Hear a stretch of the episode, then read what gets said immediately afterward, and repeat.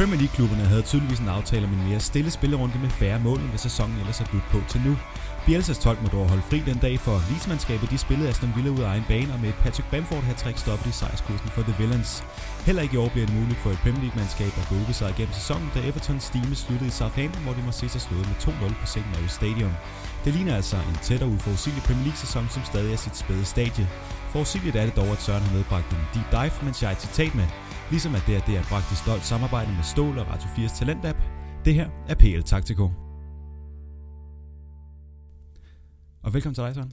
Jo, tak og lige mod, Morten. Og velkommen til jer, der lytter med. Og øh, ja, vi sagde jo sidst, at det kunne godt være, at vi ikke kom til at sidde i det her fantastiske studie, men det gør vi jo så alligevel. Der bliver pakket lidt ned udenfor, men øh, i hvert fald så i dag, så kan vi sagtens være her, og det er vi glade for. Ja, det er vi meget glade for. Vi håber, vi kan nå at optage, inden det hele bliver pakket ned. Øh, ellers må vi se, hvor langt vi når. Ja, hvis vi lige pludselig bliver afbrudt af nogle øh, håndværkere, der kommer og fjerner bordet, jamen, så må vi se, hvor længe vi kan blive ved med at optage. The show must go on, og vi øh, satser på, at det gør det.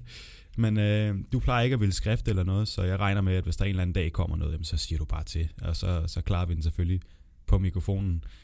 Ikke udenfor, det giver sig selv. Men øh, lad os gå i gang med nogle øh, nyheder fra Premier League. Og selvfølgelig så er det jo øh, midtuge, og det er onsdag, vi sidder her i dag, så der er blevet spillet nogle Champions League-kamp, og resten bliver spillet i aften. I går der spillede Liverpool, vandt 2-0 over øh, FC Midtjylland, og øh, Manchester City, de var en tur i Marseille og tog hjem med en 3-0 sejr. Ikke sådan det store i selve resultaterne, det giver lidt sig selv, men øh, Aguero han er ude med skadet igen. Øh, formentlig en, en måned øh, er han ude igen med en hamstring i, ja, i baglåret. Det, det, det, der må være en fiber i baglåret. Den hamstring der, der er jeg altid lidt forvirret over, hvad det skulle være, men endnu mere kritisk er det, øh, at, at redningsmanden for Van Dijk-skaden, Fabinho, der skulle være afløser i centerforsvaret for Liverpool, han har også fået en hamstringskade. Han kan heller ikke øh, øh klare den 100%, så, så nu ser det altså endnu mere kritisk ud i det her Liverpool-forsvar, som i forvejen var, jamen, ikke for at sige det, øh, øh, ikke pakket ind, men modbydeligt meget svækket ved at have Van Dijk ud. Amputeret meget voldsomt også. Altså, ja, amputeret, det kan vi godt kalde det. Man kan jo sige, der var en af mine venner, der skrev til mig i går, om øh, nu har Liverpool overhovedet flere forsvarsspillere, og så skrev jeg, nej, ham var jo ikke forsvarsspiller, altså Fabinho var jo ikke forsvarsspiller. Så allerede her er de jo presset, og jo, du har ret, Fabinho var ham, der var lidt lappeløsning, men har sat derned. Og man har også inden sæsonen, da vi solgte Dejan Lovren signaleret ud af til, at jamen, det er jo Fabinho, der træder til, hvis der er nogle centerforsvar, der mangler. Øh, og nu er det jo så både Matip, der altid mangler, han har altid en eller anden lille skade. Nu håber de, at han er klar til weekenden, og det tror de også på til West Ham-kampen. Øhm, og jeg tror bare, de, jeg tror måske godt, han, han kunne have spillet den her kamp, men de vil hellere være sikre, for at han ikke også skulle øh, få en længerevarende skade. Men det er et kæmpe problem, at Fabinho bliver skadet, fordi han har så gjort det godt dernede. Og så står de tilbage med Joe Gomez og Matip, og så skifter de Rhys Williams ind, en ung centerforsvar, som, ja, jeg synes, han gør det fint i den her kamp, men han har også nogle begrænsninger, han er ung. Og jeg synes, han er lidt for langsom om at tage nogle beslutninger, beslutninger indimellem, og det er også svært at komme ind i et centerforsvar som ung spiller. Det kan være lidt lettere som bak, men der er bare et helt andet øh, pres på dig som centerforsvar. Det er måde, du skal læse spillet, og der er ikke lige nogen bag dig til at redde dig. Hvis du først begår fejlen, så er der altså bare åben hus nede bagved. Så det er et kæmpe problem for Liverpool, og jeg synes også, det er en klub, der normalt er veldrevet, men jeg synes, det er for ringe, at man ikke har hentet en erstatning inden for Dejan Lovren, fordi man har vidst hele tiden, at Matip har haft de her skadesproblemer. Og altså, så kan fodbold jo bare, der kan opstå skader. Altså, du kan se Van Dijk, der er jo ikke nogen, der havde regnet med, han har jo, som Klopp også sagde, da han blev skadet, jamen, altså Van Dijk har spillet igennem mange skader og spillet på meget, hvor han har haft smerter. Så man ved, det er alvorligt, når han bliver skadet og ikke kan spille. Og det, det kan bare ske. Altså, man har også haft gode tidligere. Det kan godt være, mange siger, at han er pladet af mange skader. Men det er også været brækket ben og sådan noget. Det er jo ikke, fordi man kan sige, at det er noget muskulaturmæssigt eller noget. Det er jo bare en freak accident. Øh, så det kan bare ske i fodbold. Og så synes jeg, det er lidt mismanagement, når man i forvejen har med tip, man ved, der er skadespladet. Og så kan det godt være, at man kan sætte Fabinho ned, men der kan jo opstå skader op. Ja, det er da uheldigt, de er ramlet sammen sådan her. Men det er jo lidt, lidt for ringe af Liverpool, synes jeg, i forhold til deres, øh, ja, deres håndtering af truppen. Ja, du siger netop det her med, at de har Matip, som, som ofte er, er ramt af skader, og som, jamen, han kunne måske godt have spillet den her kamp, øh, men Jürgen Klopp har også været ude at sige det her med, at når, når kampprogrammet er så tæt, at de spiller hver tredje dag, så er det svært at tage, tage spillere tilbage, før de er 100% klar, fordi så spiller de en kamp, og så, så er den måske ikke helt 100, og så spiller de en kamp mere, og så rører den så øh, i, i den kamp, og det er jo også noget, vi ser meget her for tiden med de her muskelskader, særligt øh, efter jamen, hele det her øh, corona, der gjorde, at, at, at sidste sæson, afslutningen var så intens, øh, både med, med ligaen selvfølgelig, men også med de her europæiske turneringer. Og det hele ligger jo også meget komprimeret her i, i, i starten af sæsonen. Så det er måske ikke den sidste øh, skade, vi kommer til at se. Det tror jeg heller ikke. Og jeg kan ikke huske, at tweetede om det på Twitter. Øh, jeg vil meget gerne give kredit til vedkommende. Det er en engelsk journalist, der skrev øh, et citat fra Guardiola. Guardiola havde vist nævnt noget om på en pressekonference, at øh, ifølge de statistikker, han havde, der var der 70% flere muskelskader i starten af sæsonen, end der har været sidste år. Øh, og det er jo netop talt til klare sprog, og det synes jeg også, man kan se med Fabinho. Det ligner jo en overbelastningsskade, fordi det er jo en situation, hvor der bliver, hvor de er på vej til at løbe, han er på vej til at løbe retur ned i eget felt, og der er jo ingen kontakt eller noget i nærheden af, man kan bare se, at det er en fiber, der kommer i baglåret, og det er jo et resultat af noget overbelastning, hvor han ikke har fået nok restitution. Øh, og ja, så kommer sådan nogle skader, og dem tror jeg også, vi vil se flere af, og det er bekymrende. Ja, og det er også det samme med Aguero's skade her. Nu er City igen ude en, øh, en lang tid her, uden angriber, og de spillede også uden angriber i, øh, i, i går aftes mod Marseille, hvor de, de prøver at løse det lidt med at sætte øh, Mares ind som en, en falsk nier, og de kører lidt med, med Sterling deroppe osv. Men det er jo virkelig, altså det, det er jo noget, der svækker de her mandskaber utrolig meget. Van Dijk giver sig selv, det er den vigtigste spiller i, i Liverpool, har i hvert fald været det, øh, da de begyndte at blive, blive rigtig gode og rigtig farlige igen. Øh, og altså, at spille uden angriber, det, det, er jo, det er jo også kritisk. Ja, absolut. Altså nu synes jeg, at Guardiola har været god til igennem årene, også i Barcelona-tiden, hvor han havde en Cesc Fabregas, som falsk nier. Jeg synes, han har været god til at finde andre løsninger, kreative løsninger. Det er bare svært. Øh, det er bare noget andet med et centerforsvar, fordi det skal du bruge, så kan du godt gå over til skift med tre mand bagved eller noget i den dur. Men det er bare, det synes det bliver udstillet mere end en angriber, for der kan man trods alt finde andre løsninger. Og du, ja, det kan man også godt med centerforsvar. Jeg synes bare, det er en svær, øh, en svær gåde. Øhm, og ja, det, det er da også øh, bekymrende for City, at de øh, mangler Aguero igen. Men der er så lige en ting, jeg gerne vil gå ud og skyde ned med det samme. Og, altså, jeg er kæmpe fan af Guardiola, og øh, som sagt, jeg synes, han er en af verdens bedste trænere. Men jeg skal lade være med at gå ud og sige i medierne, at de ikke havde råd til en ny angriber. Altså, det skal de stoppe med på stedet. Man kan snakke om, at vi ikke vil have tre øh, dyre angriber, fordi det skaber en ja, mangel på harmoni i truppen og kan give problemer, hvis den tredje så ikke får spilletid. Men jeg skal ikke gå ud og sige, at de kan råde til en angriber, fordi det ved vi simpelthen, det ikke er rigtigt. Ah, han giver nogle spændende svar i medierne her for tiden. Han havde også noget øh, senest på et pressekonference, hvor han blev spurgt ind til sin fremtid, hvor han sagde, at den så god ud. Den var, den var fremragende. Han skulle til London lige om lidt, så det var perfekt jo. Han, øh, han kører nogle spændende, spændende svar af her for tiden, men øh, i hvert fald så ruller Champions League-bolden igen i aften, hvor Chelsea de skal en tur til Krasnodar, og hvor at, øh, United, Manchester United, de hjemme skal møde RB Leipzig. Men øh, alt det, det kan man snakke om i en øh, podcast, der hedder CL Tactico. Vi har ikke udvidet det endnu, så lad os bare øh, blive ved med at snakke om noget Premier League. Og der har jo været utrolig meget snak om det her pay-per-view, øh, som, øh, som de begyndte at køre, hvor man skal betale for at se enkelte kampe. Øh, og der har været utrolig meget snak om, at ah, det, det, det, det er ikke så godt for konkurrencen, og hvor mange vil så egentlig sidde og se, øh, jamen altså, et eller andet bundopgør, eller et eller andet, der måske bare er, er et midteropgør.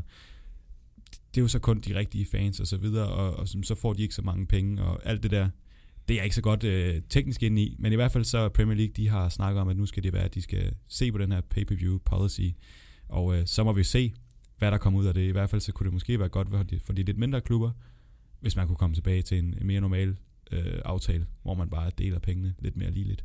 Jamen, det så jeg faktisk noget om også på Twitter. Jeg mener, der blev skrevet om, at jeg kan ikke huske, om det var 1000 eller 5000, det må jeg ikke holde, op, eller holde mig op på. Men jeg mener kun, der var 1000 eller 5000, der havde betalt for den, en af de kampe, der var på, eller den kamp, der var på pay-per-view i den her runde. Og den koster også 15 pund, det er også voldsomt for en enkelt fodboldkamp. Og der kan man sige, jamen hvis det for eksempel var Merseyside Derby, eller det var Manchester Derby, noget i den dur, topopgør, så kan man måske retfærdiggøre det, men stadig 15 pund er altså mange penge for en enkelt fodboldkamp. Og så er det netop et problem med de mindre klubber, jamen hvem vil sidde og se Newcastle Burnley, hvem vil se øh, Brighton mod, øh, ja, mod øh, West Bromwich, hvis det er en ligegyldig kamp. Altså, kan man så forsvare med tager 15 mm, pund for det? Og det synes jeg jo ikke, man kan, og specielt ikke fordi det så rammer de mindre klubber, der så for eksempel hver gang skal have, øh, jamen, hvorfor kan vi ikke se vores kampe? Altså, det er da dybt uretfærdigt, at jeg skal betale 15 pund, når det normalt, hvis jeg i forvejen har BT eller Sky Sport. Så det er fuldstændig uretfærdigt, at jeg skal ind og betale ekstra for en, øh, en kamp mere.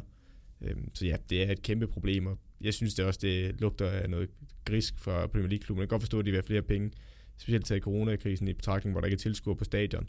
Men altså, jeg tror ikke, det er det vejen. Jeg tror, at prissætning, de må have nogle eksperter, der sidder og prissat det her og sagt, det er en rimelig pris. Men for mig, der virker det fuldstændig ud i hampen. Tror du, øh, Daniel Levy han ville betale 15 pund for at se Burnley Tottenham? Daniel Levy, han ville jo have penge for at skulle se den kamp. Altså, man ved jo, den mand, han, øh, han er notorisk øh, meget, meget nær med sine penge, og en dygtig forhandler, så det, det tvivler jeg da på, at han vil betale for. Den sidste nyhed, jeg har med i den her runde, det er Luca Dignes øh, karantæne, som han fik øh, efter få rødt kort i kampen mod Southampton. Den var oprindeligt på øh, tre dage. Den er så nedsat til en enkelt spilledag, fordi at, øh, de har godt kunne se her i forbundet, at den var måske lidt hård. Vi har set andre, øh, der, der ikke er blevet ændret i, i, i tidens løb, også øh, ganske for nylig. Er det ikke en eller anden måde at sige, jamen okay, der var måske ikke rødt kort alligevel, så får han lige en enkelt dag, og så snakker vi ikke mere om det. Jo, det kan man godt sige. Altså jeg tror, forskellen er som for eksempel, når vi kigger på Liverpool-Everton-kampen, der er det jo en, en hændelse, hvor der ikke er blevet givet noget, der henviser sig til, at de vil have varer og dommeren til at se det. Hvis man vil høre den diskussion, kan man høre et tydeligt afsnit, men, men ja, det er en helt anden diskussion. Her er der jo en reducering af straffen, og der tror jeg, man siger, at graden af det er ikke så voldsom, at man mener, at det er til tre dage. Så jo, jeg er egentlig okay tilfreds med, at man kan sige en dag her. Det har jeg ikke et problem med. Det er bare i orden. Og så har jeg altså ikke mere for, for den her runde, så mindre at du har set et eller andet enormt vigtigt, som jeg ikke har set, så lad os bare gå i gang med at snakke om de kampe, vi har udvalgt her. Nej, jeg tænker bare, at vi tager hul på kampen. Perfekt. Og skal vi ikke starte i uh, Aston Villa Leeds? Du smiler, så lad os gøre det. Ja, det synes jeg. Det er fordi, jeg kom til at bytte rundt på det her, fordi du ændrede i sidste øjeblik, hvad det var for nogen, vi skulle snakke om. Men vi starter i Aston Villa Leeds. En kamp, som uh, Leeds de vinder 3-0. Patrick Bamford, han vinder den 3-0, kan man vist også godt sige. Han laver simpelthen uh, tre dejlige mål, og en, ja, en kamp, som... øh, som man måske godt, Aston Villa har startet øh, rigtig godt i den her sæson. Man har måske ikke forventet, at Leeds de skal gå ud og dominere på den her måde, men hold da op en kamp for Leeds. Altså det er jo det Bielsa han kan, og det er det vi gerne vil se Bielsa gøre. Og det, øh, altså, det sker jo bare her. På alle parametre, der dominerer de jo i den kamp. Altså jeg synes, uh, Leeds får ros for, at det er Bielsa-fodbold og sådan noget, og det synes jeg også er med rette. Men jeg synes i virkeligheden, det går lidt forbi i medierne, hvor stor en præstation der er Leeds er i gang med lige nu. Det er tidligt i sæsonen, der med på. Øh, der er rigtig langt hjemme endnu, men det de leverer lige nu er jo fuldstændig vanvittigt en oprykker. Og det er ikke fordi lige til gået ud og kastet omkring sig med penge. Altså jo, de har det brugt på nogle spillere. Øh, en Rodrigo, de har hentet en spansk landsholdsangriber. Øh, men det er jo ikke fordi, de har smidt enormt store summer penge. Det er ikke som vi så et Wolverhampton, der kom op og havde brugt rigtig mange penge i Championship, og også havde brugt det, de kom op. Leeds var ikke, Leeds var ikke en af de rigeste klubber nede i Championship, da de rykkede op, og har ikke haft det af de største budgetter. Og så synes jeg, det er så imponerende, at man kan gå fra en kamp mod et Aston Villa-hold, som vi har siddet, jamen de havde vundet alle kampe øh, op til her, øh, og var i stor form, havde banket Liverpool 7-2. Så går Leeds ud og har 60% possession den her kamp. De har 27 skud, 9 på mål. Altså det er så imponerende, og de, de spiller en sublim kamp. Og det er rigtigt, der var meget Bielsa fodbold, men jeg synes ikke, vi skal underkende med det materiale, han har. Også vi ser i City-kampen, vi også snakket om, jamen, altså, altså blandt de 11, der er jo ikke nogen, der vil eller starte ind for City, og alligevel så går de ud og dominerer store dele af kampen. Det, det er længe siden, jeg har set noget, der er så imponerende, og ja, det er bare dygtigt trænerarbejde. Ja, så var vi jo også i starten af sæsonen øh, lidt inde på, at Leeds, når de skulle spille, jamen, så skulle der være masser af mål, og der skulle være mål i den ene ende, men i den grad også i, i den anden ende. Vi havde nok regnet med, at Leeds skulle lukke lidt flere mål ind, og Aston Villa, det er jo et, et, et godt kontrahold, det har vi også øh, rosten for her i, i tidligere afsnit. Men Leeds, de, de lukker bare ned. Er vi, har vi været lidt sådan lidt for hårde egentlig ved Leeds defensiv? Det fungerer jo. Ja, men nu er det også med nuancer i den her kamp. Altså hvis vi kigger på expected goals, altså hvor mange mål man forventer, at man scorer i en kamp på de chancer, man har, der bliver det jo mål på, altså hvem sparker den, hvor er den i hvilken vinkel. Øh, det bliver der taget højde for, så ser man, hvor mange mål skulle de egentlig have scoret i den her kamp øh, ud fra statistikkerne. Øh, og så for understat.com, der vi plejer, som vi plejer at bruge til at finde vores statistikker fra øh, med XG, der har Aston Villa 1 på 1,50 her. Så det er heller ikke, fordi Aston Villa ikke skaber chancer i den her kamp. Øh, jeg kan da huske i hvert fald, der er Jack Grealish afslutningen, hvor den bliver reddet på, bar, eller på målstregen af Luke Ayling, der er hurtigt til at opdage situationen, øh, hvor Grealish lige var prikket den forbi øh, Melje i, ude i højre side af Leedsfelt, hvor han så når på tværs og lige redder den ind på stregen. Og der er der også en tur i anden halvleg, hvor Jack Grealish han sitter næsten hele leeds og når ind i feltet, hvor Melje redder med en fodparade. Altså, de har chancer i den her kamp Aston Villa. Der er også koncept på et hjørnespark, hvor han øh, halvflugter mod mål, øh, lige midt på Melje, og så bokser han over overlæggeren. Så de har jo chancer. Det er ikke, fordi de ikke skaber noget Aston Villa. Men man skal bare kigge på den anden side og så sige, jamen Leeds, de har en XG i den her kamp, øh, expected goals på 2,38. Altså det er også sindssygt på udebane mod et Aston Villa-hold, der har set rigtig stærkt ud. Men de skaber rigtig meget, de spiller så flot ud af Villas pres i perioder, og deres kontraangreb er knivskarpe i den her kamp. I den grad, og altså, som du siger selv, det, det er virkelig vildt, det der gang i. De har 10 point efter 6 kamp, ligger nummer 6. Uh, ingen af os to havde dem som... En, du kan jeg faktisk ikke huske. Jeg havde, Nej, du, som, jeg havde, havde dem som nedrykker. Havde du som nedrykker? Jeg havde uh, alle tre... Jeg vil også sige, at jeg blev sat on the spot, og jeg sagde, jo, jo, jo. Jeg sagde at uh, jeg var ret sikker på, at West Brom og Fulham rykkede ned, så er jeg meget svært, men så sagde jeg Leeds, fordi jeg troede, at alle oprykkerne ville rykke ned. Men uh, jeg troede, de ville have svært ved at komme op, specielt med den... Altså, når vi så Norwich sidste år, der må man bare sige, at uh, ja, den uh, skoling, de har med Bielsa, den er bare... Den virker bare meget mere gennemtænkt og mere uh, gennemspillet. Altså, de er... Alle ved, hvor de skal være hen. Der er ikke tvivl om det. Øh, og det er også bare overraskende nogle af Premier League-holdene, tror jeg, hvor godt skole det her lige er. Ja, for jeg skulle lige til at sige, at vi havde måske regnet med, at de ville, ville klare den i Premier League, men at de ville klare den så godt, som de har gjort det indtil videre. Men, men du har jo så åbenbart regnet med, at nu ved jeg også godt, du blev sat on the spot, men stadig, at du har måske ikke forventet, at det kunne gå så godt. Øh, måske også fordi vi har set det Norwich sidste år, der ikke øh, formåede at spille flot fodbold, og så stadig holde sig oppe. Leeds, de spiller jo flot fodbold. de ligner nogen, der i den grad godt kan holde sig op. Hvor meget skal vi forvente for det her, for det her Leeds-hold? Det er måske også øh, meget tidligt at sige. Men en 6. plads allerede nu, det, det, er jo, det er jo pænt. Og de har slået nogle, øh, nogle gode hold. De har også spillet lige op med nogle af, nogle af de rigtig gode, som du selv siger, mod øh, City, hvor de får en 1-1'er. Og så selvfølgelig øh, den allerførste kamp mod, mod Liverpool, hvor de også øh, sent øh, taber 4-3, men hvor de længe holder, holder godt fast. Ja, altså, jeg synes netop det, hvem de har spillet imod, igen, der kan vi så snakke om, både Liverpool og City har haft startproblemer, øh, men altså, de har også gået og slår Villa så overbevisende på udebane 3-0. Altså, det, det må indgive noget respekt, og det synes jeg også, der virker som om, der er mere bund i det her hold, og det er netop på grund af den spillestil, de har. Alle ved, hvor de skal være. Så for eksempel, når vi kigger på deres startopstilling, vi snakkede lige om det, da vi, øh, da vi gik på, at der står, at de spiller en 4-1, 4-1, altså øh, med stryk ind som sekseren, fordi at, øh, at øh, Calvin Phillips er skadet, hvor Rodrigo så skal spille en 1-8, og der siger du jo, det er, Rodrigo spiller ikke 8, han er angriber.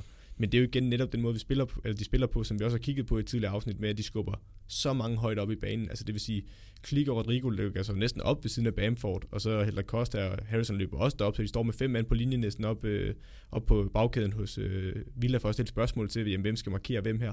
Og så har de Stryk, der går ned som den her bindeled sekseren, der bare skal være bandespilleren eller vende og spille fremad. Og så har de så to centerfor, der skubber ud, bak der skubber højt. Øh, så de spiller egentlig næsten i tre kæder, hvis man skal være lidt skarp.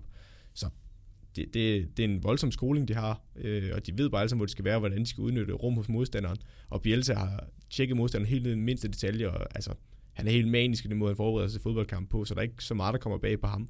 Og det tror jeg bare, der er meget bund i. Altså, det, det er rigtig godt trænerarbejde, og det tror jeg vil tage dem langt i sæsonen. Jeg tror ikke lige, de kommer i nedrykningsproblemer. Øh, jeg tror tværtimod, at de måske kan begynde at kigge lidt op mod top 10. Øh, og med den måde, det udfolder sig på lige nu, altså jeg vil sige top 6, som jeg har hørt nogle af de engelske medier snakke om, det er måske lige øh, til munden lidt for fuld. Men hvis de hold der over dem bliver ved med at snuble, som de gør lige nu, jeg synes ikke, der er nogen, der er klar, der trækker fra op i toppen heller, jamen så skal jeg lige holde sig til, fordi så er der mulighed også øh, for at være med, hvor det er sjovt. Ja, for det er det, de hold, som, som man kan sige her i starten af sæsonen, det er der nogle af dem, der har imponeret i hvert fald. Øh, som du selv siger, nogle af de andre hold, der egentlig er over dem, jamen de har snublet. Vi har jo en Manchester United, der ligger på en 5. eller 15. plads, Manchester City på en 13. plads, Arsenal 11, Chelsea 10. Wolves, der var rigtig gode sidste sæson, de har godt nok samme pointantal som Leeds, men de ligger altså som 9. Altså når man tænker på, hvem det er, de også skal konkurrere med, jamen så på, ja, i starten af sæsonen, så har de jo et eller andet sted været det mere imponerende hold. Vi snakker også om det i City-kampen, hvor at, jamen, hvis man skulle putte det on the spot, og du skulle finde en vinder, jamen, så kunne det jo godt have været Leeds. Øh, og, og, og, det er jo bare dybt imponerende, det der gang i, og ja, top 6, det er måske også lige voldsomt nok særligt at sige det nu, men det er jo ikke urealistisk overhovedet. Nej, men jeg synes også, der er en anden detalje, vi skal huske, det er, at Leeds-holdene, eller i hvert fald Bielses hold, de plejer at dø lidt ud i slutningen af sæsonen, fordi det er så fysisk over deres spillestil, og de har ikke den bredeste trup i forvejen. Så, så vi skal også huske, at de starter godt ud, og det kan være, at de dør hen i sæsonen, fordi det er det, det, det, vi har set i hvert fald. Ikke den sæson, hvor de rykkede op, men sæsonen før, øh, hvor de også lignede et hold, den første del af sæsonen, der bare var en sikker oprykker. Jamen, der har krakkeleret lidt mod slutningen, og det, altså, det er bare fysisk hårdt. Nu hjælper det selvfølgelig også, at de ikke har 46 kampe, som man har i championshipen, øh, og det kun er 38 her. Men det er stadig et tæt kampprogram for dem, og det kan godt gå hen og bide dem øh, bag til sidst i sæsonen, at de har været så fysisk hårdt, fordi Bielsa, altså Bielsas hold er generelt nogle af dem, der er i fysisk bedst form, og det kan man også se med det her Leeds hold, de ligger så hårdt genpres og så hårdt pres i perioder, øh, men det er bare hårdt over en hel sæson, så det skal vi også huske at holde øje med, det er, det er heller ikke uvæsentligt. Det kan jo være deres held, at de ikke har noget europæisk fodbold i midtugerne. Det er rigtigt, men øh, ja, der er også en anden ting, vi skal tage fat i med det her Leeds hold, det er, at nu så vi mod Wolverhampton, hvor de også har store problemer med at åbne Wolverhampton op. Jeg kan ikke huske, om den er 0-0 eller Wolverhampton vinder. Jeg mener faktisk, at Wolverhampton vinder den. Ja, de taber lige 1-0 til, øh, til sidst. Ja, lige præcis, og der øh, tror jeg Leeds, altså de har store problemer med at åbne Wolverhampton hold op, og de er så også Wolverhampton er et af dem, der står i det bedste blokforsvar, når de står med en øh, lav defensiv linje og møder modstanderne og kan sætte på kontraangreb. Det er de rigtig skarpt til. Så dem skal jeg, jeg vil gerne se lige til nogle flere kampe mod nogle af de hold, der står rigtig lavt, for jeg ved godt, Villa er også et godt kontrahold, det så vi mod Liverpool, de var så skarpe til. Øh, men jeg tror måske også, at det her Villa-hold havde lidt undervurderet, hvor dygtigt det her Leeds-hold egentlig er, øh, og reddet lidt på en bølge og tænkte, jamen altså, vi er favoritter her, og det er bare et helt andet mindset at gå ind til en kamp og være favoritter, end det er at skulle være underdog og, og satse på kontra. Ja, og det her Villa-hold, det har jo imponeret os rigtig meget her i starten. De er også en øh, kamp bagud i forhold til øh, den her kamp. Jeg kan ikke huske, om det var mod øh, Manchester United eller Manchester City, så lad os bare sige, at de skulle have mødt Manchester i den øh, første runde, men som blev udskudt på grund af det her øh, øh Europa League og, øh, og Champions League øh, forløb, der havde ligget langt ind i, i sommeren. Men det er jo et hold, der faktisk, hvis de vinder den kamp, som de er, som de er efter, og det er jo ja, det er selvfølgelig mod et Manchester-hold, så det er jo ikke sikkert, at man kan det, men så, så er det jo egentlig et, et hold, der, der, der ligger nummer et, øh, hvis man skal regne det ud på den måde. Og de har jo været gode i år, og, øh, og de har også på en eller anden måde en spillestil, der godt kunne ligge til det her leadsmandskab i forhold til, at de øh, står godt, og de er gode til at komme afsted på en kontra. Men jeg vil ikke øh, stille det som et enten eller spørgsmål, som jeg plejer, hvor du siger, at det er lidt af begge dele. Men, men, men skulle Aston Villa et eller andet sted have gjort noget mere i den kamp her? Jamen, jeg synes, at man kan stadig forsvare Villa i, at de skaber stadig en del chancer, også når man kigger på deres expected goals. Men de bliver bare ramt af, at nogle af de mål, Leeds laver, er jo sublime. Altså, øhm, det første mål, der kan man godt stille spørgsmål til, om Emiliano Martinez ikke skal gøre noget mere ved Rodrigos afslutning. Han skubber den lige ud til Patrick Bamford. Men altså, nogle af de andre mål, vi ser, det er jo højklasse Patrick Bamford.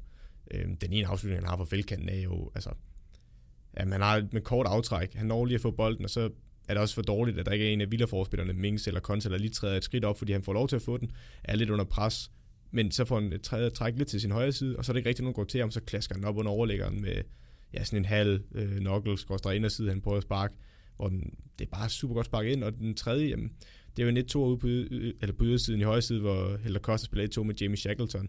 Ham med Olli Rose, han kommer ind øh, øh, halvvejs i første halvleg, mener jeg, i stedet for stryk, øh, og han spiller en blændende kamp, og ligner en, der har spillet i Premier League i mange år, ung sind, eller central midtbane. Han bliver spændende at følge. Men han spiller net 2 ude i siden med Helder Costa ind i feltet, hvor Helder Costa spiller den ind på Bamford, der i et meget lille område dribler sig fri af, eller skaber sig plads mellem fire Aston Villa-forspillere, så med en kropsvind lidt til højre, får han lige givet sig åbne sin krop op og får samtidig skabt plads til, at han kan afslutte med venstre ben, hvor jeg synes, han er lidt ude af balance, men, han får alligevel skålet den over, øh, eller skålet over, synes jeg, er stramt ord om en flot afslutning egentlig, fordi han får, ja, som sagt, han kommer ud af balance ved at lave det her øh, lille kropsvinde til højre, men det er også det, der giver ham åbning til at sparke, så sparker han over med en inderside øh, over ved den fjerneste stolpe.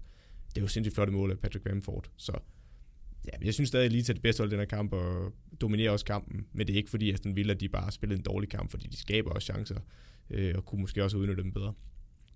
Og øh, de bliver i hvert fald sat på, på prøve, det her Leeds hold, de, de kommende kampe, hvor de altså skal møde Leicester, så skal de møde Palace, de skal møde Arsenal, de skal møde Everton, og de skal møde Chelsea.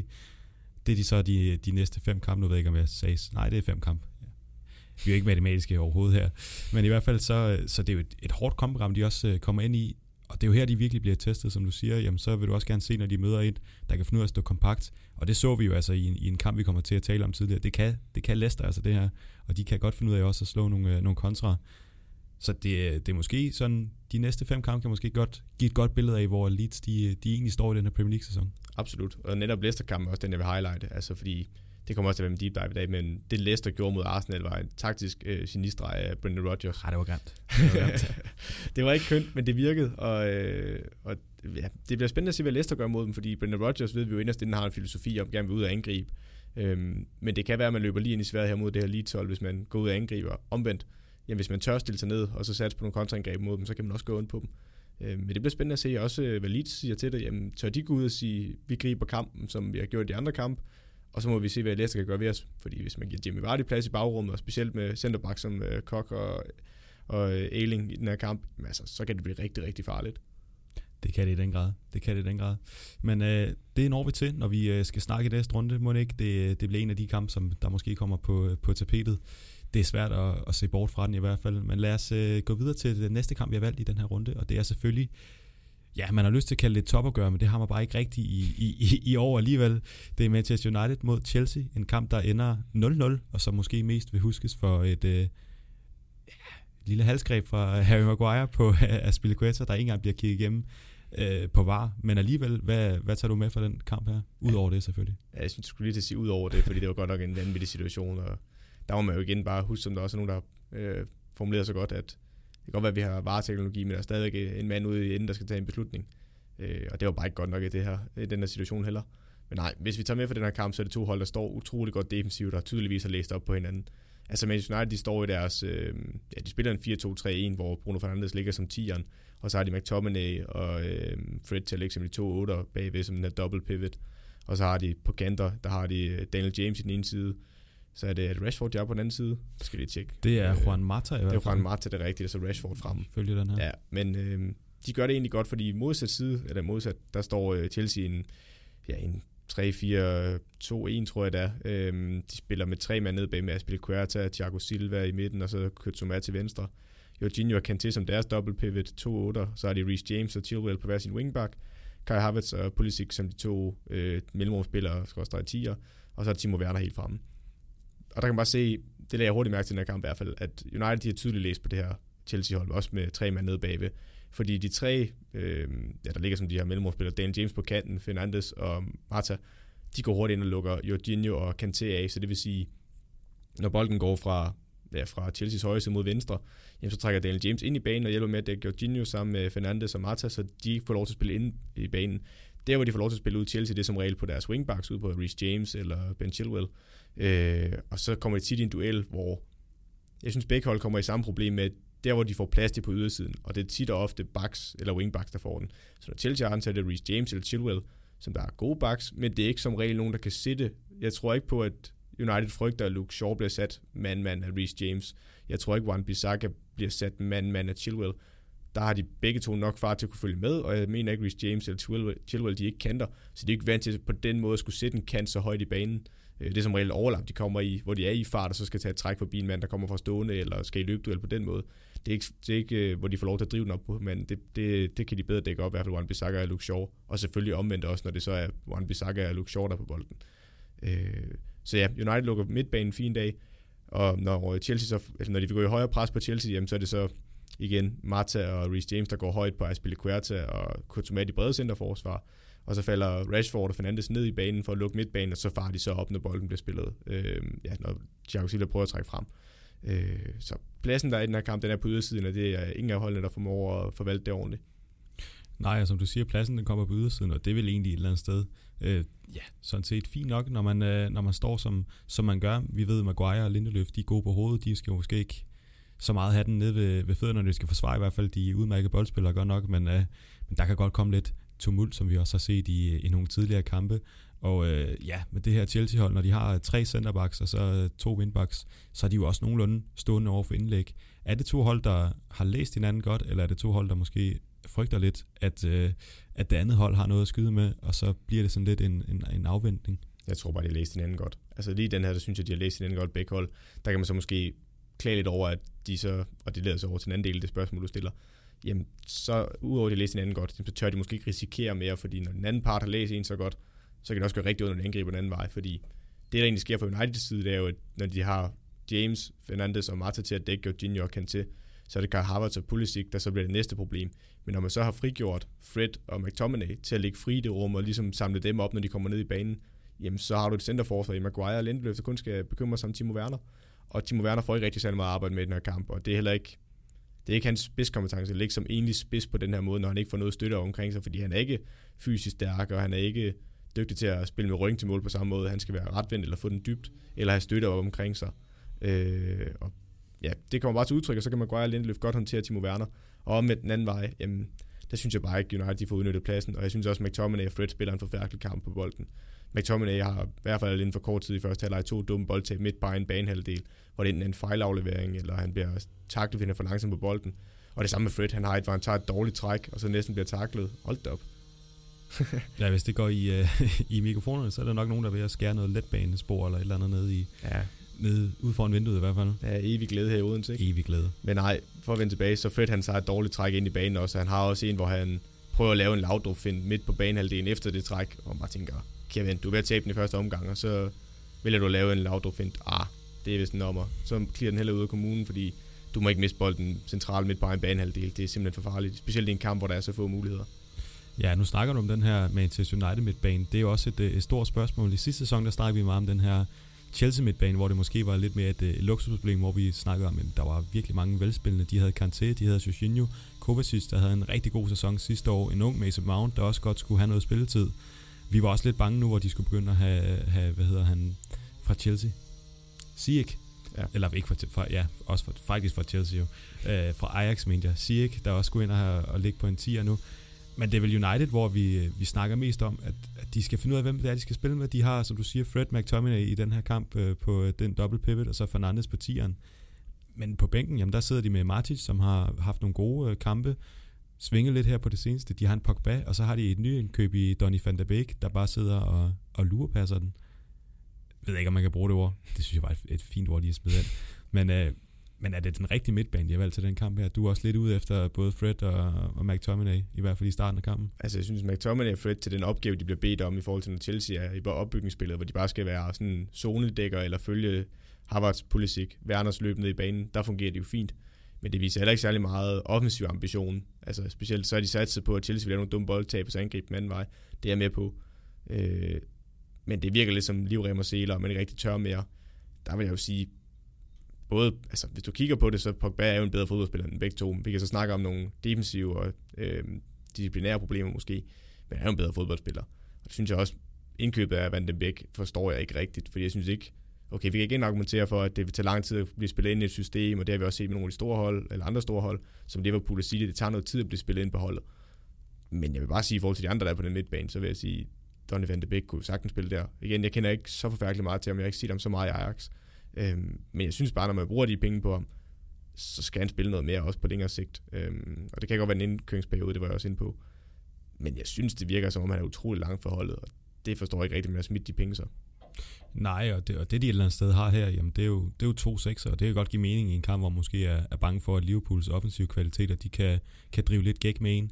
Men i andre kampe, jamen, der har de jo også spillet med, med to sekser, så er det ofte en Fred McTominay, en, øh, en, ja, en øh, Matic, der har ligget på de, øh, på de roller der.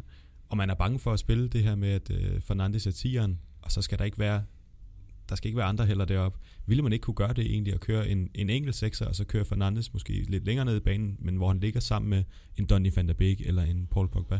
Jo, absolut. Det synes jeg også sagt, man kan argumentere for. Man kan så argumentere for, at han kommer til at være for langt væk fra Rashford, specielt i kampe, hvor de har Mata med, som der også heller ikke er den hurtigste, men også en mellemrumspiller, og der har en Daniel James med. Men det kunne du godt, altså du kan godt have en point i, at han skal komme længere ned i banen og samle op, men så vil jeg også bare sige, at han kommer længere væk fra målet, og han har scoret rigtig mange mål, lagt op til mange også. Øh, så det er selvfølgelig noget, man mister. Men altså, det er jo så en tro på, at man kommer til at være længere fremme på banen. Det tror jeg ikke, det troede i den her kamp. Jeg troede ikke på, at de skulle ud og dominere sådan fordi de har nemlig frygtet Chelseas kontraangreb. Øh, og man kan så også sige det samme om Chelsea jo. Altså, de kunne også godt have risikeret mere i den her kamp. Men ja, så får man bare sådan en uafgjort kamp. Ja, og netop det, og du sagde jo også, at det var to, gode, eller to hold, ja, det er også to gode hold, det er det jo, som, øh, som har læst et andet godt, og som et eller andet sted er gået ind til, til kampen med, med, med et ønske om at holde nullet. De holder begge to nullet, er de egentlig ikke meget tilfredse med, med 0-0 her? Jeg tror, jeg tror ikke, at man vil sige tilfredse, men de kan godt leve med at få udgjort her, i hvert fald specielt Chelsea på udebane. Øh, også United, de ikke taber til Chelsea, fordi det kunne blive, blive rigtig grimt, hvis de allerede begynder at tage point til nogle af de, øh, deres konkurrenter allerede. Øh, men ja, man kan så også vende rundt og sige, at de taber begge to skridt. Tottenham vinder i den her runde, Liverpool vinder i den her runde. Øh, der er rigtig mange hold, man lige pludselig taber et skridt til, at man kunne også bare tage point. Man kunne tage point for øh, jamen, altså et Arsenal-hold, der smider point, et øh, City-hold, der smider point. Altså, man må tage alle de point, man kan få i, i sæsonen, specielt når den bliver så tæt, som det ligner, den gør i år. Øh, så det er også en spildt mulighed, kan man sige. Men ja, de tur bare ikke, er, de tur ikke at modparten skulle vinde, det, hvis det vi er ude i. Og er der en, der skal være lidt mere ked af, at øh, de ikke napper alle tre point? Nej, for jeg synes igen, det er i perioder. Jeg synes, Chelsea sidder på det meste i første halvleg, men omvendt kommer United stærkt til sidst, og får også skabt nogle enkelte chancer, hvor jeg også synes, at man, de gør det godt ind i målet. Altså igen, der er så en situation, hvor han i fødderne giver et hjørnespark, hvor man synes, det er nok ikke fremragende målmandsspil. Øh, men generelt, så synes jeg godt, man kan argumentere for, at, at han virker som et øh, fint indkøb. Men ja, altså jeg synes, de har perioder begge hold, men jeg synes ikke, der er nogen, der kan gå ud og sige, at de dominerede kampen, eller skabt øh, mange flere chancer end de andre. Så lad os øh, lade den ligge ved det.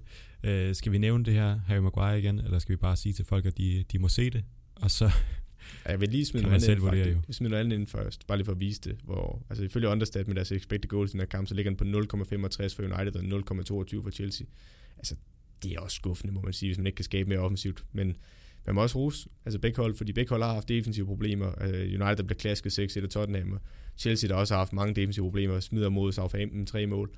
Uh, ja, så formår de jo at pakke sig ned og ikke lukke mål ind her, og når vi så samtidig også skal rose Brendan Rodgers i sidste kamp, hvor han ikke skaber de store chancer, men holder Arsenal for mål, uh, så må man også rose, at der er nogle defensive gode præstationer her, men det er lidt ærgerligt, det kompromisserer så meget den anden vej uh, offensiven hos begge hold og en god defensiv situation her i Maguire. Skal vi lige give en ja, uh, kommentar på det? det? Nu prøver jeg lige at tale ud om det, men ja. det bliver vi nødt til. Altså også som Chelsea-fan vil man sidde og være rasende over det.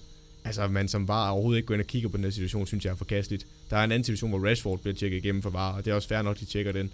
Men i forhold til den, der bliver Maguire begår, så er det jo fuldstændig sindssygt. Og jeg tror måske, man vælger ikke at se den igennem på VAR, fordi hvis man så den igennem på VAR, og man ikke dømmer straffe der, jamen, så, så synes jeg, man skal tage sit dommerkort, fordi Maguire er ikke interesseret i bolden der. Han, han er jo i gang med et wrestling move på øh, Aspilicueta, Og det synes jeg også er en dårlig tendens med, at så længe det er inde i feltet, og det er på hjørnespark og sådan noget, så får man lov til at rive og flå hinanden. Altså få nu bare lagt den linje fra start af og sige, jamen vi dømmer det, så må I stoppe med det. Og så er det jo op til spillerne og trænerne og så sige, jamen det gør vi ikke mere på hjørnespark, fordi altså, konsekvensen skal bare være der, så skal de nok ret ind.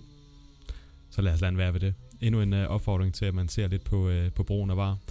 Men det er i hvert fald en kamp, der ender 0-0, og et resultat, som begge hold både kan være lidt tilfredse med, men også være lidt ærgerlige over, at de ikke uh, henter nogle vigtige point i en, en tæt sæson, som det har været indtil videre i hvert fald. Du har fået uh, nævnt og teaset meget for det, uh, Brendan Rodgers, hans uh, geniale taktikker her. Lad os hoppe til den. Arsenal-Leicester, en, øh, en kamp, der ender 1-0 til Leicester. Øh, udholdet trækker sig simpelthen øh, tilbage fra Emirates med, med en sejr. Det er jo aldrig set før. En, øh, en kamp, hvor at Arsenal de egentlig har alle muligheder for at, at styre spillet, og også gerne vil gøre det. Mangler måske noget kreativitet, og så er øh, ja, revne er lidt, lidt klogere, og de øh, sætter Vardy ind. Hvad skal han? Han skal selvfølgelig ind og score, og det gør han også, og så kan de tage hjem igen med, med en 1-0'er. Den her kamp, havde du, havde du øh, forudset det? Jeg har ikke forudset, at Leicester ville vinde på den her måde. Øh, men da jeg så startopstillingen, så vidste jeg udmærket godt, hvad det var, han var i gang med Brendan Rodgers. Jeg tror, at de fleste fodboldkender kunne se. Da han har Vardy på bænken, og man godt ved, at Vardy ikke er 100%, måske han har ikke fået så meget spilletid på det seneste på grund af skade, så virker det som om, man tænker, okay, jamen vi skal overleve den her kamp cirka omkring det, en teamspil. Hvis vi overlever dertil, jamen, så kan vi skifte Vardy og så skal vi gå rundt på dem, og de andre begynder at blive lidt trætte, og der opstår måske lidt mere rum, han kan angribe i, samtidig med, at vi også sparer ham lidt. Øh, og så er jeg håbet, at man kan holde sig ind i kampen indtil da. Og det er jo lige præcis det, Leicester gør. Leicester skaber tæt på ingenting i første halvleg, øh, og de, man kan tydeligt se, at de er problemer, altså i og med, at de starter med Harvey Barnes på toppen, finder ud af, okay, det fungerer ikke rigtigt, han er ikke god nok til at spille med ryggen til mål, og han kommer ikke i nok situationer, hvor han bliver retvendt og kan begynde at drible og sætte fart. Så rykker man Madison derop i stedet for, at der er bedre med ryggen til mål, så er Madisons problem bare, at han kan ikke tro bagrummet, så de skal bare overleve indtil de kan få Jamie Vardy noget, noget mere fart op foran, og det er også det, de gør. Øh, ja, og så omvendt Arsenal, de kan bare ikke bryde det her Leicester hold op. Altså, de har nogle enkelte situationer. Der er Bellerin, der bliver sendt, øh, Bellerin, der bliver sendt afsted i dybden på en lang aflevering for David Lewis, hvor hans første berøring svigter ham lidt. Øh, hvor det er en guddommelig aflevering, og timing i løbet er også helt perfekt.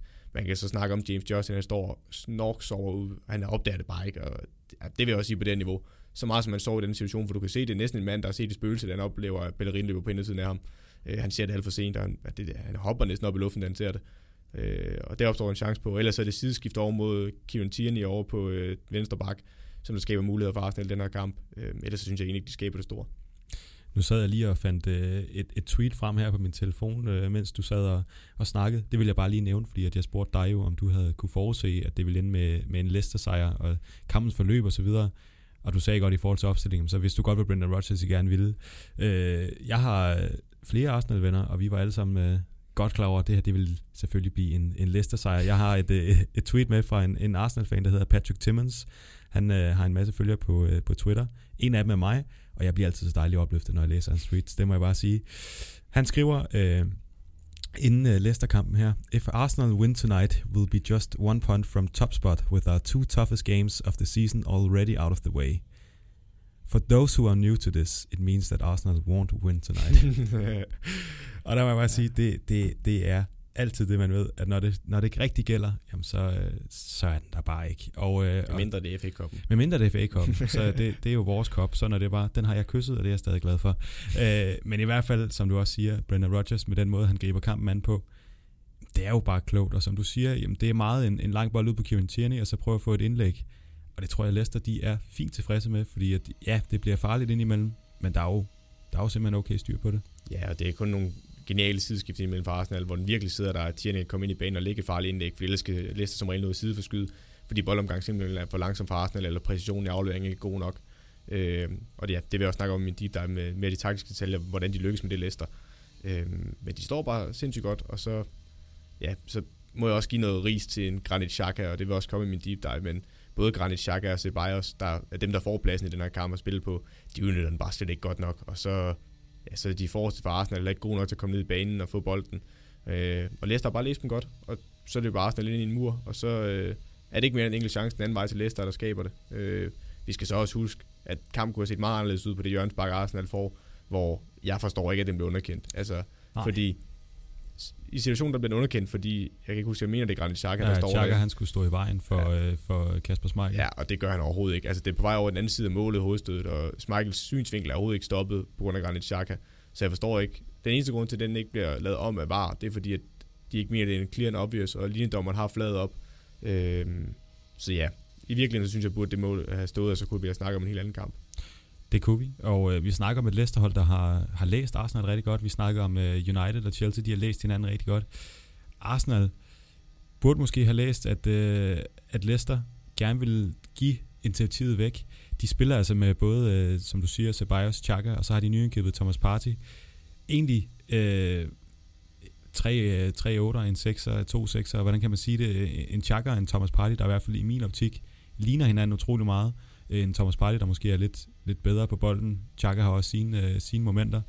Men i hvert fald i en kamp mod, mod Leicester, som man ved kommer til at stå lavt, og man ved, at man skal bruge noget kreativitet, der har man selvfølgelig Ceballos, men både at spille med Chaka og Thomas, er det ikke lidt at gå med både livrøm og seler, selvom dine bukser de øh, strammer?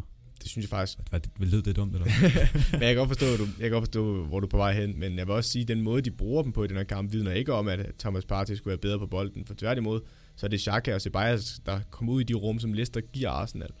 Øh, og så skubber Tierney og Bellerin højt op, og igen, vi skal nok øh, dykke mere ind i det deep dive i detaljer, men generelt så synes jeg også, jeg synes det er dårligt læst af Arsenal, specielt at de ikke laver om på det noget før, for det kan godt være, at Tierney og Bellerin får plads, men specielt Bellerin får ikke udnyttet pladsen ordentligt over i sin side.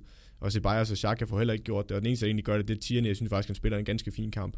Øh, men omvendt, hvis vi, jeg vil gerne kigge på Leicester spiller også, for der er altså nogle spillere, der spiller en god kamp. Især en Fofana, den nye centerforsvar. Han er kun 19 år i nogle af hans første kampe i Premier League. Han er en rigtig spændende spiller. Altså, han er dygtig til at spille bolden fremad, jeg har lagt mærke til. Jeg synes også, han er god til at læse spillet og skærme bolden. Øh, han har nogle gange, hvor han måske lige mangler lidt fart, eller bliver fanget ud af position, men generelt synes jeg, han er en rigtig spændende spiller, specielt i sådan en tremandsforsvar, hvor han har øh, John Evans til at støtte sig. Så han kan stande på wingbacken i højre side, det klæder ham meget, han er kommet derover. Det har så gjort noget andet over i den venstre side, hvor de har en James Justin, der er Jamen, han ligner, hvis man er Liverpool-fan, så kender man John Flanagan, der spillede venstreback under den sæson, de var ved at vinde mesterskabet. Og Justin, han, altså, han er hurtig nu vel, men du kan se, at han er så et benet. Han skal ind i banen, og han er aldrig rigtig farlig offensiv, fordi selv hvis han kommer rundt om dig, så ved du, at det er venstre ben der, det bliver sådan et skovlet indlæg. Øh, så det begrænser dem meget. Man kan se, det vi snakkede om i Chelsea sidste år, at de mangler en ordentlig venstreback. De har fået Chilwell ind, det har gjort rigtig meget for dem. Omvendt må man sige Leicester. Jeg har rost meget for deres rekruttering, både af en Fofana, der er med i den her kamp, og man kan også snakke om nogle af de andre, de har hentet, Kastanje, øh, øh, Thielemans gennem årene. Selv med de, som vi, der har været skadet rigtig meget, og egentlig var købt ind som erstatning til Kante, jeg synes, vi begynder at se, at han også øh, fortjener en plads på holdet, hvor han læser spillet rigtig meget, og bare bølgebryder og laver de simple afleveringer. Og så er der selvfølgelig også Madison. Men tilbage til min pointe. De mangler altså en ordentlig venstreback. De mangler en venstreben derovre. Fuchs er venstrebenet, men han, er, ja, han har set sin bedste dag, og er specielt ikke øh, hurtigt nok mere. Øh, så de skal ud og hente sig en, en øh, venstre wingback eller venstre back, øh, der kan noget mere offensivt. Ja, og når vi snakker om det her med, med unge centerforsvar, de har jo en øh, uh, Shoyunchu, som så er, er skadet og ikke er med i den her kamp. Fofana, øh, virkelig imponerende. Hvad er det, Leicester kan med de her unge øh, centerbacks? De bliver ved med at, at køre dernede. Man ser også, John Evans han styrer det hele. En spiller, der ikke var god nok til United for eksempel, men det kan man sige, det, det, det er han måske nu. Han er i hvert fald en, øh, en sikker skanse på, på Leicester-holdet, og virkelig også en, en vigtig mand. Vi snakker også om det seneste sæson, hvor at han var skadet i nogle kamp, hvor de i den grad manglede ham. Jeg synes bare, altså øh, nu ved jeg godt, vi snakker centerforsvar, de har været gode til Henry Maguire, Fofana, øh, meget tidligt med ham, skal vi lige se, hvordan det flasker sig. Men han er lovende her i starten, og der er en Syrenchuk, der havde en god sæson sidste år øh, og John Evans, som du også snakker om. Men jeg synes, det vidner mere om den generelle spillerrekruttering i Leicester. Det er sjældent, de laver en fejl. Altså jo, det gør alle hold. Men jeg synes, de er rigtig gode til at hente spillere. Altså, jeg er dybt imponeret. Hvis du bare kigger ned over den start, hvad de har i dag, jamen Kasper Schmeichel hentede de ind, da de var i, i championship, så den vil jeg måske lige tage til side med Fofana. En øh, centerback, man henter fra St. Etienne, øh, går direkte ind nu og spiller fast. Så har han Johnny Evans. Virkede måske som om, han var lidt forbi sin prime og ikke rigtig god nok til United, men Altså han har været rigtig til City efterfølgende også, og han er dygtig på bolden og læser spillet godt. Fremragende indkøb. Du har en øh, Kastanje, som vi har snakket om fra Atalanta, øh, blændende wingback specielt. Thielemans, man hentede i Monaco, så vidt jeg husker. Øh, også en spændende spiller. Øh, men de, som mange havde dømt ude og ikke var gode nok, og begynder også at vise sit værd. Madison, man henter i, øh, i Norwich, så vidt jeg husker. Er altså en af de mest øh, lovende engelske spillere lige nu i Premier League, og ikke bare engelske generelt. Så har du også en Dennis Pratt og Harvey Barnes. Øh, Harvey Barnes mener jeg fra egen avl. Men der er rigtig mange. Også en Sigis Ynde, der kommer ind i den her kamp. Og er med til at være kampafgørende med sin assist til Vardy. Øh, det er bare imponerende, hvad de formår. Og det er netop på grund af rigtig god scouting, øh, god data, øh, god spillervurdering og finde de rigtige spillere til de rigtige penge, og så sælge dem videre bagefter. Det er en, det er en imponerende model, Leicester gør. Det er, nogle, de er nok nogle af dem, der er bedste i det Premier League overhovedet, hvis ikke de bedste. Og en dygtig træner. Absolut. Øh, det skal vi nok også komme nærmere ind på. Men de taktiske detaljer, Brendan Rodgers gør i den her kamp, det er også imponerende. Det er jo. Du må jo stoppe mig, hvis, ja, jamen, hvis vi kommer nok. ind på noget, der, jamen, jeg taler der bare, er deep dive mærke til, at jeg bare taler udenom. Bare, det, er det er helt i orden. Politikersvaret. Ja. Hvad, hvad, hvad skal jeg undgå så? Så bare lige så vi er helt det, overens. Nej, men du, du fortsætter bare. Jeg skal nok uh, drible udenom. Det er i orden. Det er helt i orden. Glat som en ål. Det er bare i orden. men uh, vi har snakket om det her uh, Arsenal-mål, der bliver underkendt som uh, Lacazette eller score. Og, uh, og så kan man sige, at når man laver sin mål, så er det jo svært at, at sætte en finger på. Men i en kamp som den her, Lacazette burde man måske ikke have kørt noget Aubameyang op foran, og så lidt mere kreativitet på kanten. Der er mange i hvert fald øh, Arsenal-fans, som jeg ved, der er lidt ked af, at man, man spiller den her mand ude på kanten. Han har ellers haft nogle gode, øh, gode aktioner, hvor han kommer ind, øh, trækker ind i banen og så skyder. Men er det ikke lidt spild, når man har øh, så dygtig en angriber, og så smider ud på en kant og, og se, hvad det skal blive til? Altså, jeg synes, det er spild, han kommer over i højre siden, men ellers er jeg uenig i, at øh, man smider ud på kanten, fordi så har man misforstået, hvordan Arsenal spiller. Fordi han er aldrig rigtig ud på kanten. Han er mere en mellemrumspiller, lidt ligesom når vi snakker om med Leeds, med at de skubber deres 8 højt op. Øh, Arsenal gør bare omvendt, de skubber 8 ned, og så er det øh, deres baks, der løber højt op i banen i stedet. Og så prøver man at finde Saka og Aubameyang i mellemrummene på ydersiden af, ja, foran foran Leicesters øh, to øh, brede centerbacks, hvor Fanair og Fuchs, det er derude, de skal finde rummet. Men der synes jeg bare, at Leicester er gode til at lukke den ned. Øhm, og ja, det er netop, når man står for et blokforsvar, jamen hvad giver modstanderne dig? De giver der som regel plads på ydersiden, eller de giver der plads i noget øh, spil op igennem midten. Leicester giver der ikke noget plads øh, igennem midten her, så er pladsen på ydersiden, og der er det bare Bellerin og Tierney, der som regel får bolden, og specielt Bellerin er ikke god nok til at udnytte pladsen derude. Og så kan man råbe og skrige om, at man vil have op på toppen. Det hjælper ikke rigtigt, så længe det er, den plads på ydersiden ikke bliver udnyttet. Man kunne så måske snakke om, at man måske skulle have spillet øh, Niles på den højre wingback, da man kunne se, at det ikke rigtig fungerer. Øh, det er måske der, jeg mere vil hen. Men øh, en kamp, der ender 1-0 til, øh, til Leicester, en kamp, hvor at Arsenal de øh, får initiativet, en kamp, hvor Leicester de, øh, de øh, er kloge, de læser Arsenal godt, de spiller, spiller den her kamp, som de et eller andet sted skal. De spiller den chance, de har, det er at øh, køre nogle kontra afsted, fordi at de har, øh, ja, et eller andet sted den, den, den trup, de har, men også at de har den, den mulighed, de har i den her kamp, og de sætter Vardy ind på det rigtige tidspunkt. Er der en finger at sætte på, øh, på den her Leicester-præstation? Ja, jeg vil sige, man kan stadigvæk sætte en finger på, at de skaber nok chancer. Altså, jo, de holder Arsenal væk fra store chancer generelt. Der er Bellerin-chancen, der er Tierney, og så er der målet selvfølgelig på dødbolden, der blev underkendt. Men man skal også skabe noget mere den anden vej, fordi ellers havde vi siddet med dem på samme måde, som jeg gjorde med Chelsea United. Altså, det er også små marginaler, der er forskel på de kamp. Øh, jeg vil så sige, at Vardy, han skaber også målet. Det er nogle flotte kontraangreb, men specielt fordi de holder, ja, igen, de holder Arsenal væk fra alt. Så, så på den måde synes jeg egentlig, at Leicester lykkes meget godt, og med de skader, de har lige nu, Leicester og Vardy, der ikke er 100%, så tror jeg også, at Brendan Rodgers fint har købt den her kamp for en uafgjort inden. Ja, og når vi, når vi snakker om Vardy, hvor, hvor vigtig er han egentlig for det offensive spil, som, som Leicester de, de har. Du siger det her, han kommer ind og skaber chancerne, han skaber også øh, målet. Kan de uden Vardy? Det så vi i sidste sæson jo. Ja, de kan i perioder, men jeg synes bare, Vardy er også god. Altså, han er de bedste angriber i Premier League, det skal vi ikke underkende. Sidste års topscorer. Lige præcis. Og jeg tror mere begrænsninger hos Leicester ligger i deres alternativ til Vardy, fordi jeg synes også, at Iheanacho er en spændende angriber, men han kan bare ikke fungere alene derop. Øh, har vi Barnes prøvet med den her kamp, og man kan også se Madison, de prøver det op. Altså, de har bare ikke den der løsning til, hvis han ikke er der. De har prøvet Slimani, de også har taget tilbage, men han virker som en, der er langt fra det niveau, de bruger, eller skal bruge i Leicester. Så de mangler også en eller anden alternativ til Vardy, når han ikke er med. Og så er det nogle gange, de skifter formation, og så kører med to derop. Og i den her kamp, der kører de kun med en, fordi de vil egentlig bare begrænse modstanderen. Men jeg kan love dig for, hvis det er en kamp, hvor Leicester skal ud og gribe kampen, og Vardy ikke er med, så spiller de som regel med to op med i Henacho, eller Barnes, der kommer derop, eller Madison, øh, eller Ayosi Peters. Øh, så jeg tror, det er mere, det er mere tegn på den begrænsning, der er i Leicesters trup.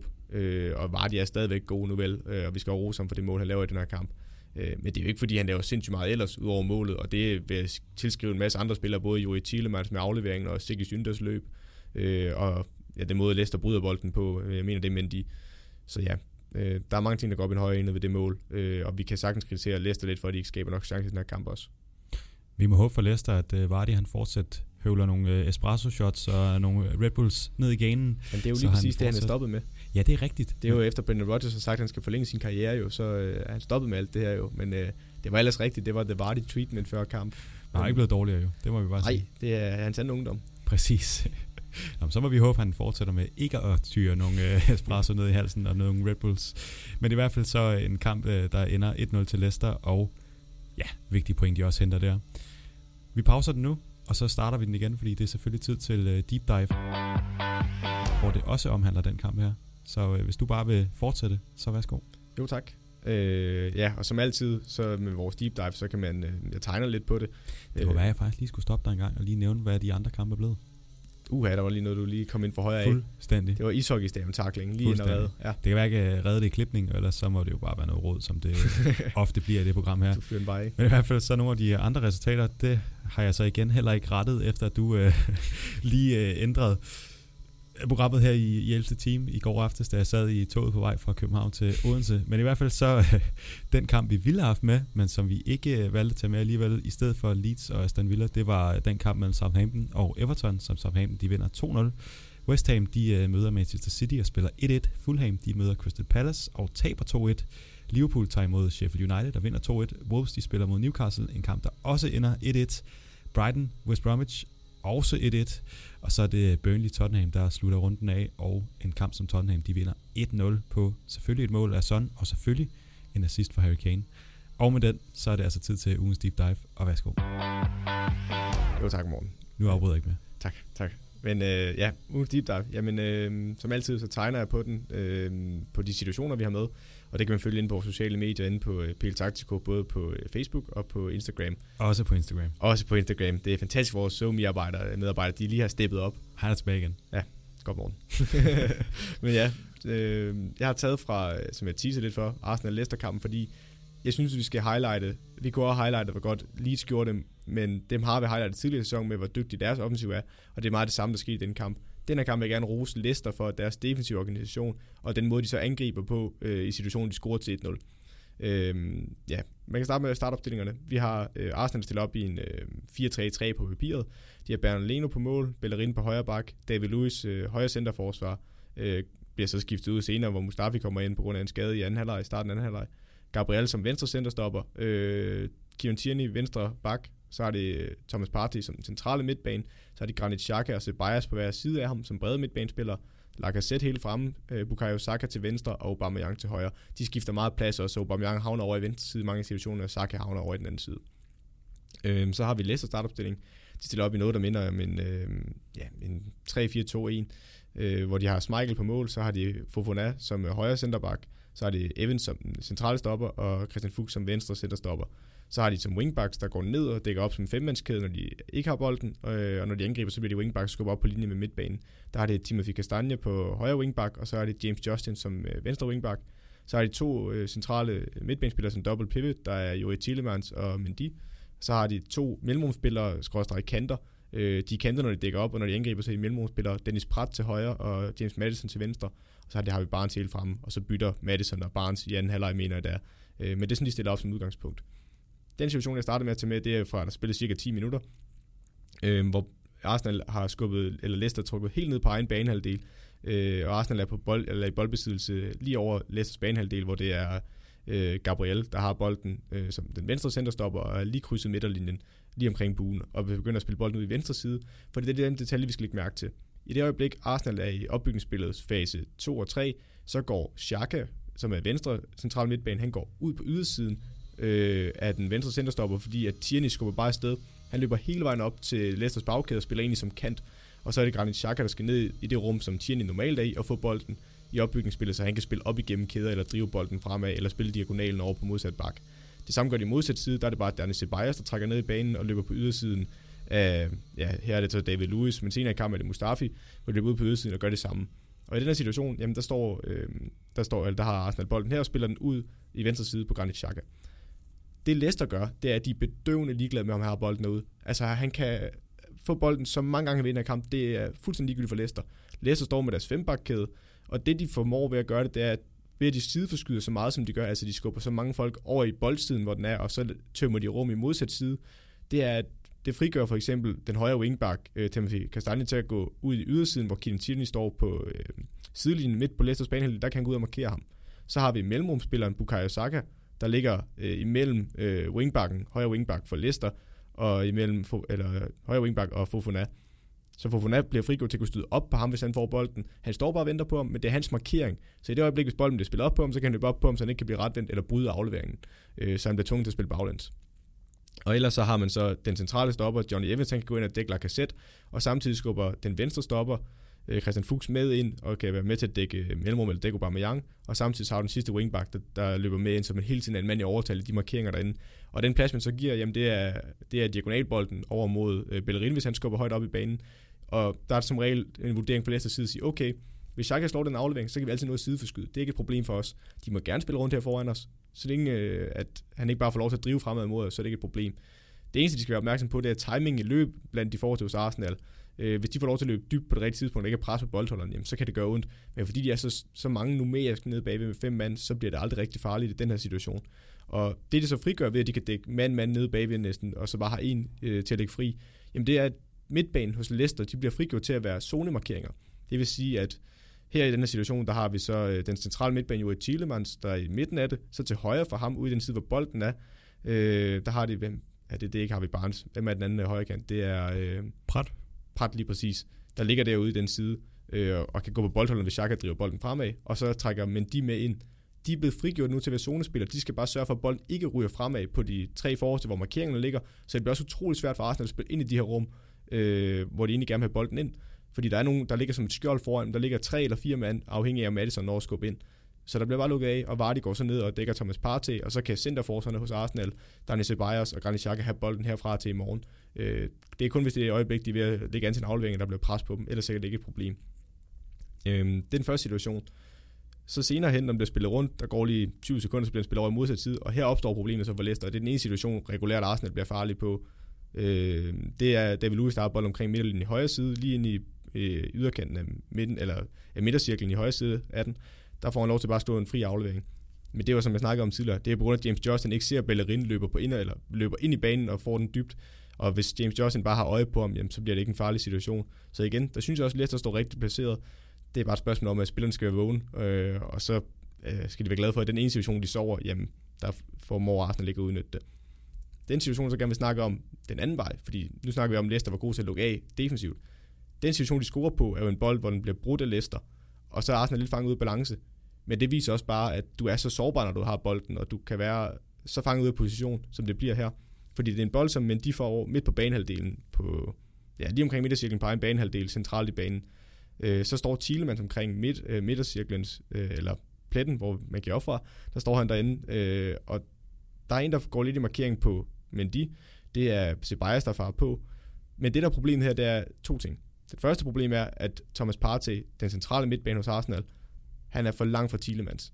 Og det opstår der er et problem af lige om lidt. Den anden ting er, de er gået bredt ud med centerforsvarerne, Arsenal. Det vil sige, at Gabriel Michalis står midt på en banehalvdel til højre for ham, med et pænt stykke ud står Mustafi, og så som vi snakkede om før, så går Granit Xhaka ned på ydersiden af Gabriel Michalis, øh, når de har bolden, for at bygge op. Men Arsenal har lige mistet bolden, så nu er der utrolig meget mellemrum, og det vil du gerne have, når du spiller bolden, fordi så er der langt fra modstanderen rundt til de forskellige markeringer. Men her er der rigtig meget mellemrum mellem øh, de forskellige forsvarsspillere nede bagved, og det kan Leicester angribe. Så det, der sker her, det er, at Mendy spiller op på Thielemans, og markeringen er for langt for, øh, ja, for Thomas Partey på Thielemans, så Thielemans han kan åbne kroppen op på sin første brøring, hvor han egentlig er fejlvendt, men han kan åbne kroppen op ved at lige rulle under fodsålen, og så kan han åbne op til højre for sig og kigge fremad. Og da han kigger fremad, så ser han en Granit Xhaka, han står helt alene øh, i venstre side af den centrale del af banen, hvor Sigis Ynder står mellem ham, øh, ja, Sigis Ynder højkant for Leicester, han står mellem øh, Granit Xhaka og imellem øh, Tierney ude i venstre side. Og der er ingen hjælp at hente for øh, Stakkels Granit Xhaka, der har fanget højt midt på en banehalvdel øh, med en masse bagrum bag sig, og der er ikke pres på boldholderen, øh, og der er ikke nogen støtte fra øh, Tierney, der er for langt ud i banen, og Gabriel Morales, han har rigeligt at se til, med Jamie Vardy kan ikke nå over i støtte. Og da Thielmann så åbner kroppen op, så slår han en genial aflevering i dybden, hvor Granit Xhaka bare er prisgivet, fordi Sigis Ynder er meget hurtigere end Granit Xhaka. Og den aflevering der, den sidder lige i skabet, så Ynder han får lov til at få en helt vejen med ind i feltet i højre side, tager et træk, hvor Gabriel Morales prøver at komme på tværs for at øh, takle og blokere øh, en afslutning eller indlæg, men der bliver bare for langt over øh, i støtten, og Mustafa kan heller ikke nå med ind i banen, og det er ikke Vardy, der så kommer på tværs. Sigge Ynder lægger et indlæg øh, på tværs til hovedet til Vardy, der så hælder den ind. Og det er en aflevering her, altså der sker hele det her Arsenal-forsvar op. Og der kunne man måske godt ønske, at de var hurtige til at komme på plads. Man kunne godt ønske sig, at de centrerede sig hurtigt. Altså det vil sige, Mustafi var hurtigt til at opfatte, at han skulle gå ind i banen, så Gabriel Morales skulle begynde at gå lidt øh, over mod Granit Xhaka. Granit Xhaka kunne måske søge lidt ind, og specielt Baksen er lidt kritisk over for den her situation. De kunne godt komme noget hurtigt ind i banen. Så det er, den her, det er de to ting, der gør, at Leicester vinder den her kamp. Det er et, de står fremragende i forsvaret, og det plads, de giver til Arsenal, er kalkuleret fuldstændig. Øh, og det er det egentlig fint, øh, det kan de fint affinde sig med, fordi det mener de ikke bliver farligt, og det gør det heller ikke i den her kamp rigtigt. Og den situation her, hvor de så scorer målet på, der er de bare knivskarp, og man kan bare sige, at Arsenals rest, restforsvar fungerer bare ikke i den her situation. Og det er netop det, som der er med Leicester. De kan gøre sig uden på dig her på kontraangreb og på hurtige omstillinger. Øh, og det er det, der gør, de får sejren. Selvom det gør lidt ondt, så en, en flot deep dive igen. Mange tak. Og en Mange flot udtale af Gabriel Marjales. Tak. Jamen, jeg har længe gået og spekuleret over det navn, så det... Vi havde jo ellers aftalt, at vi bare kaldte ham Gabriel. Men, Jamen, øh, det fandt jeg ud af undervejs, at jeg lige tog mod til mig. Jeg sådan levede mig ind i det, og så tænkte nu kom den, nu kom den, og så er det dejligt at få ros for det også, så øh, det går meget højt herfra. Det er klart. Når det i forvejen går så godt, så må man også lige prøve at skubbe sig ud af sin comfort zone. Det er jo det, som øh, både United og Chelsea, de manglede. Tag momentum. det kom så aldrig rigtigt, men det gjorde det her. Smukt. Gabriel Marjales. Perfekt. Men i hvert fald endnu en dejlig deep dive. Lad os så videre til uh, citattabellen.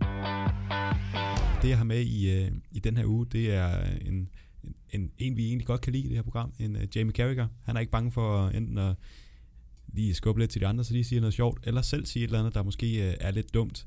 Og det er egentlig også det, som uh, citatet handler om. Det er, at uh, Jamie Carragher, han har taget sig selv i at sige noget, der måske var lidt in the heat of the moment. Han siger, når man er call commentary, commentary når man øh, kommenterer kampe. Så jeg snakker med flot udtalelse. ja, jeg ved det godt. Øh, det vil være sent på dagen, kl. 14. øh, men i hvert fald, når man, når man kommenterer de her kampe, så kan man godt komme til at sige noget, der måske falder lidt, lidt hurtigt ud. Han har på et tidspunkt kommet til at sige, da Harry Kane han ligger en, øh, en flot bold i dybden i, i West Ham kamp, til at sige, at Harry Kane han er en af de bedste øh, afleveringsspecialister i den her verden. Og, øh, og det er det, han snakker om her. Han er sådan lidt, ah, der vidste han godt med det samme der har han måske lige kommet til at, at give den lidt, lidt for meget gas. Men så kommer han til at tænke, hvem er egentlig den bedste, bedste afleveringsspecialist i den her verden? Og det er jo selvfølgelig Kevin De Bruyne. Men så siger han, og det er det, der er, er, er citatet her, Who will I want on the ball trying to put someone through after Kevin De Bruyne? It will be Harry Kane. så, så han siger jo, at jeg kom til lige at... Eller nej, det gør jeg faktisk ikke. Han er faktisk en af de bedste i verden til at, til at lægge afleveringer. Ja. Og det er jo så den, der, der, der ligger til dig nu. Det er min aflevering til dig. Hvad siger du til den? Øhm, I forhold til alt det andet vrøvl, han fik fyret af med, at han først siger det, så derefter trækker land, og så gentager sig selv igen. Det er jo meget sjovt, men det er også lidt noget vrøvl. Det han så egentlig når frem til, er jeg faktisk enig i. Jeg synes, Harry Kane, når han bliver retvendt og kan lægge de der afleveringer, der er en af de bedste. Der er måske også andre i Premier League, vi kan kigge på. Du var inde på Kevin De Bruyne. Der er også en Thiago Alcantara i Liverpool. Øh, der også er med deroppe i den snak i hvert fald. Øh, men ja, jeg vil da give ham ret. Harry Kane er en af de bedste til det, så jeg vil ikke sige det geniale citat efter alt det andet, han nåede, men jeg synes, jeg er egentlig meget enig med ham. Øh, jeg synes, Harry Kane er enormt dygtig til den del af spillet, og så har fået bygget på igennem årene. Vil du, øh, vil du vælge ham som nummer to efter Kevin De Bruyne? Det kan godt være, jeg farvet som Liverpool-fan, men jeg synes allerede det, jeg har set fra Thiago, der vil han være med deroppe af. Men jeg synes også, Harry Kane, altså, hvis jeg, hvis jeg lægger mit bias til side, så vil jeg jo sige, de to er nok lige på, eller på lige fod for mig. Øh, så ja, jeg kunne sagtens forsvare, at han skulle være nummer to på den liste. Det er i orden. Øh, men øh, et andet sted, hvor han nok ikke lige bliver, bliver nummer to efter Troy Deeney, det er selvfølgelig citatspænden. Hvor skal vi, hvor skal vi lande der? Han er lidt over midten i den positive ende, vil jeg umiddelbart vurdere. Ja, det er der, hvor vi har det her uh, Ilkay Gündogan tweet med, at han mener, at uh, Romelu Lukaku han er den mest undervurderede spiller jeg synes, i verden. Jeg synes, det er lidt over, faktisk. Det er lidt over? Jamen, så, så tror jeg, vi havner der, fordi det næste, der kommer, det er jo Peter Crouch. Ja, der når han, ikke. Der når han aldrig op. Det er orden. Han ryger ind imellem der. It will be Harry Kane.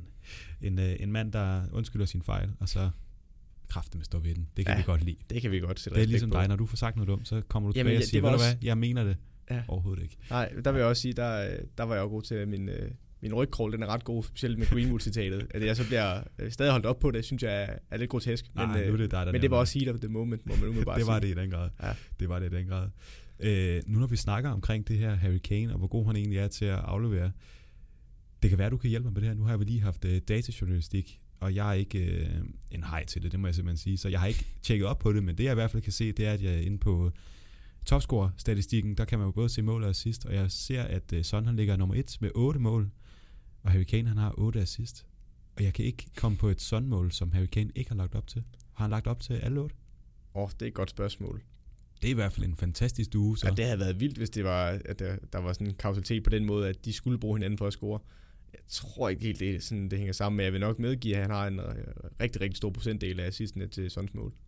Så lad os uh, lade den være ved det. Jeg skulle have haft den med som quiz. Ja, det var skarpt, synes jeg egentlig. Der burde jeg lige have, det er skarpt set. Ja, det vil jeg også sige. Det, 8 mål 8 sidst, der ligger jeg Et godt citat, og så sådan en, øh, sådan en konspirationsteori også, det er fremragende. Ja.